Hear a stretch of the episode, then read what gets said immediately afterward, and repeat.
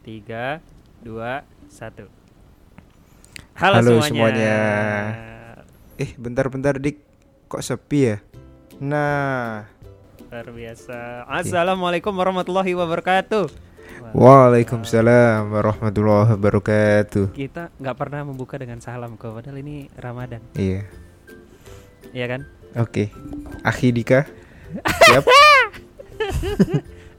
Jadi inget video itu sih ustadz-ustadz yang poligami poligami. Waduh Ini kita ngomongin poligami Eh, ngawur Ci, Ci. Belum juga sekali Belum sekali astagfirullah. Kita ngomongin Ramadan nih kok. Iya iya iya Iya. Ada hubungannya lah ya Ada hubungannya dengan Ramadan. Eh, gimana kok? Sama tahun lalu ada bedanya nggak? Sama tahun lalu sebenarnya sama sih Eh, Kerjaan juga sama Iya benar sih. Hmm. Tapi kan sekarang udah boleh ke masjid. Dulu kan kita teraweh di rumah kan, nggak boleh ke mana-mana. Yang tahun lalu tuh. Oh iya iya betul betul Tapi kayaknya aku tahun lalu juga ke masjid deh Oh, apa tahun lalunya lagi ya nggak boleh ke masjid ya? Tahun kemarin boleh ya? Boleh deh kayaknya Tahun- tahun lalu. ya. Tahun lalu itu boleh Tahun lalu boleh Jumatan aja boleh ya. Boleh boleh Nah, Tapi pakai masker terus jaga jarak kan eh, sebelum Ramadan kan eh, si eh, MUI kan udah memperbolehkan untuk safnya rapat kan mm-mm, betul betul.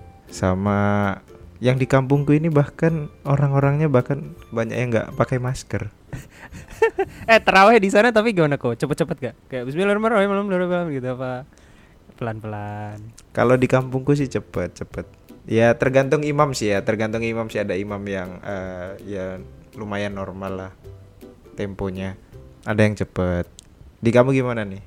Kalau aku nyarinya yang cepet sih. Cepet lap, 8 rokaat lagi.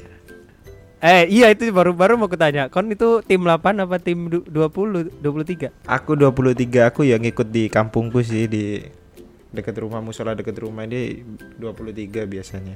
Sumpah kon, aku 8 kok. Ya udah 8 cepet lagi kamu itu. Tuh, 8 mulai jam berapa? Sampai selesai jam berapa? Eh 23 tuh dari jam berapa jam berapa? eh kita kan beda ya eh, apa namanya waktu isyaknya ya. Kamu di Jakarta, Hmm. aku di Gresik. Di Gresik ini biasanya isya itu jam 6.40, 6.40 45-an lah. Heeh. Nah, paling cepet tuh biasanya jam setengah 8 udah kelar. Eh itu lebih parah kok, sumpah. Masa setengah 8 23 selesai? iya, selesai, selesai. Aku aja tuh jam 7 lah, 7 lewat dikit tuh azan Isya paling selesai 8 tuh 7.45 eh, atau jam, jam 8 gitu, tergantung yang datang imamnya cepet atau imamnya yang lama. Iya, ya, aku paling paling lama kalau di kampung gini ya 7.45 lah, 7.45. Eh lebih cepet kon artinya kok. Paling cepet kan berapa? Totalnya 45 menit terus kalau Iya. yang yang agak normalan itu satu jam. Itu pun aku 8 witir di rumah karena nggak lanjut sampai 23 kan. Tapi ngomongin masjid nih kok, tadi kan kita udah bahas ya. Kita tuh ada kabar baik nih. Good news untuk masjid di Indonesia salah satunya. Iya, masjid apa tuh? Masjid Istiqlal kebanggaan kita. Wih. Oke. BTW aku belum pernah ke sana sih. Sumpah, Belum, belum. ah, kon pas ke sini harus ke sana lah kita. Iya, waktu ke Jakarta ke tempat dugem terus. Senoparty, Senoparty mulu kon. Iya kamu lah anak anak Jaksel loh, anak Pejaten. Jadi ya, eh, Masjid Istiqlal Jakarta ini baru aja mendapatkan penghargaan sebagai Green Mosque atau rumah ibadah ramah lingkungan pertama di dunia dari International Finance Corporation atau IFC, sebuah institusi yang dibawahi grup Bank Dunia atau WBG, World Bank Group. Dan Masjid Istiqlal ini dinilai mampu menurunkan jejak karbon secara signifikan. Bahkan masjid ini juga menjadi tempat ibadah pertama di dunia yang mendapat sertifikat final dari Excellence in Design for Greater Efficiencies atau disingkat EDGE. Waduh, banyak banget bahasa Inggrisnya. Atau sistem sertifikasi bangunan hijau yang dikembangkan oleh IFC. Nah, berita ini kita dapat dari Prambors. Bagi yang nggak tahu nih, nggak mungkin nggak tahu sih. Masjid, Istiqlal itu di mana sih? Masjid Istiqlal itu ada di tengah kota Jakarta ya teman-teman. Dan Masjid Istiqlal ini mempunyai predikat masjid terbesar se-Asia Tenggara dengan luas tanah sampai 9,5 hektar. Dan masjid ini udah tua banget nih kok dari 24 Agustus 1961 dibuatnya. Tapi pasti diperbarui terus gitu ya di Betul. renov-renov sampai sekarang. Yap, diresmiinnya tuh baru tanggal 22 Februari tahun 1978. Istiqlal sendiri ini artinya merdeka. Wah, ini udah Indonesia banget ya. Merdeka. Oh iya, Ci. Nah, bagi yang udah pernah ke Istiqlal pasti kan pernah lihat kalau di Istiqlal itu terkenal dengan simbol toleransi karena berdekatan dengan gereja katedral gitu. Ntar lah kapan-kapan kita ke sana kok. Boleh, boleh. Ini tergantung kalau aku ke Jakarta kan tergantung kamunya di ngajak aku ke mana. Selama Ya. ini kamu nggak pernah ini menyinggung Istiqlal. Kayak masa wisata religi sih kok? Astagfirullahaladzim enggak ya, teman-teman. Emang Niko tuh pengennya yang aku nggak mau ya kalau nggak ada lampunya yang gemerlap gitu ya gimana? Aduh, aduh, aduh, aduh.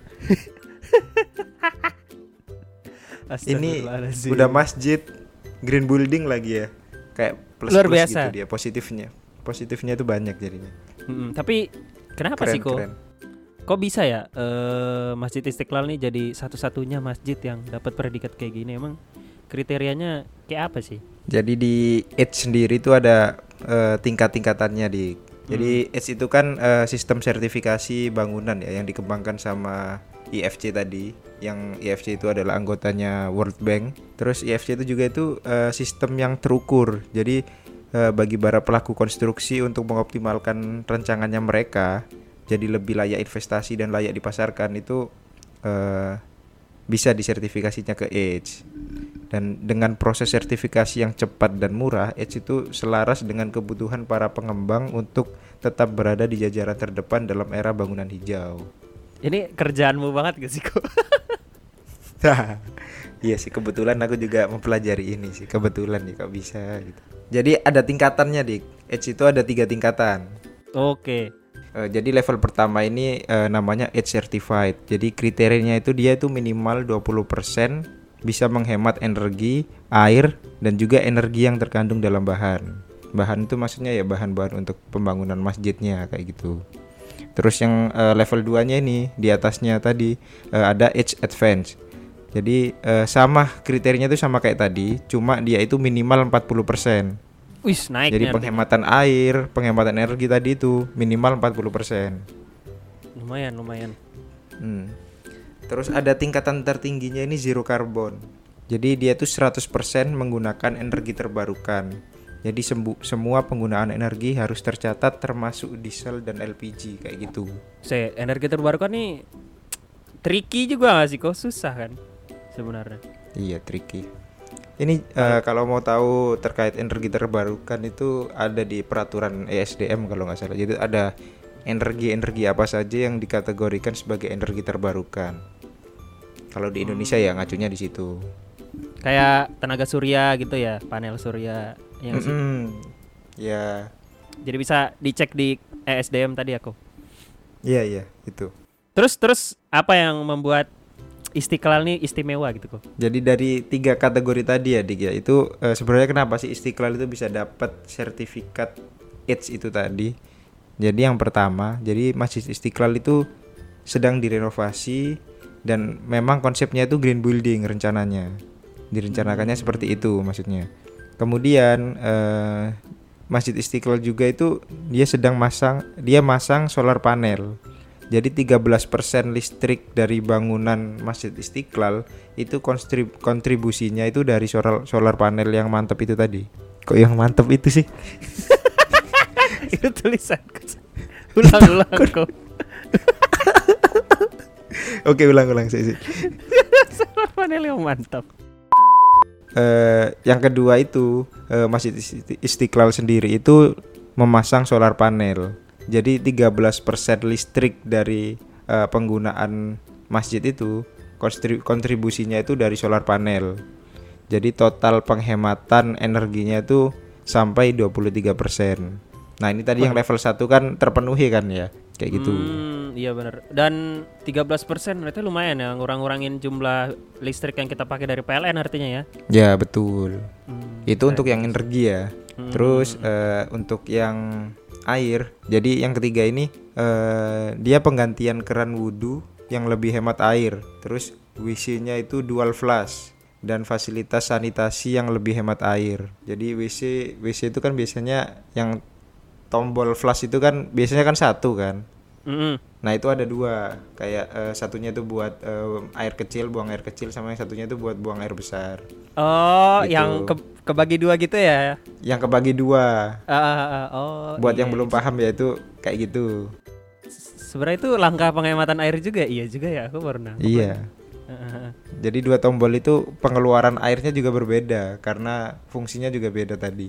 Terus eh, bahkan eh, dia itu mengklaim bahwa penghematan emisinya itu CO2 itu eh, sebesar 407,22 ton dalam satu tahun.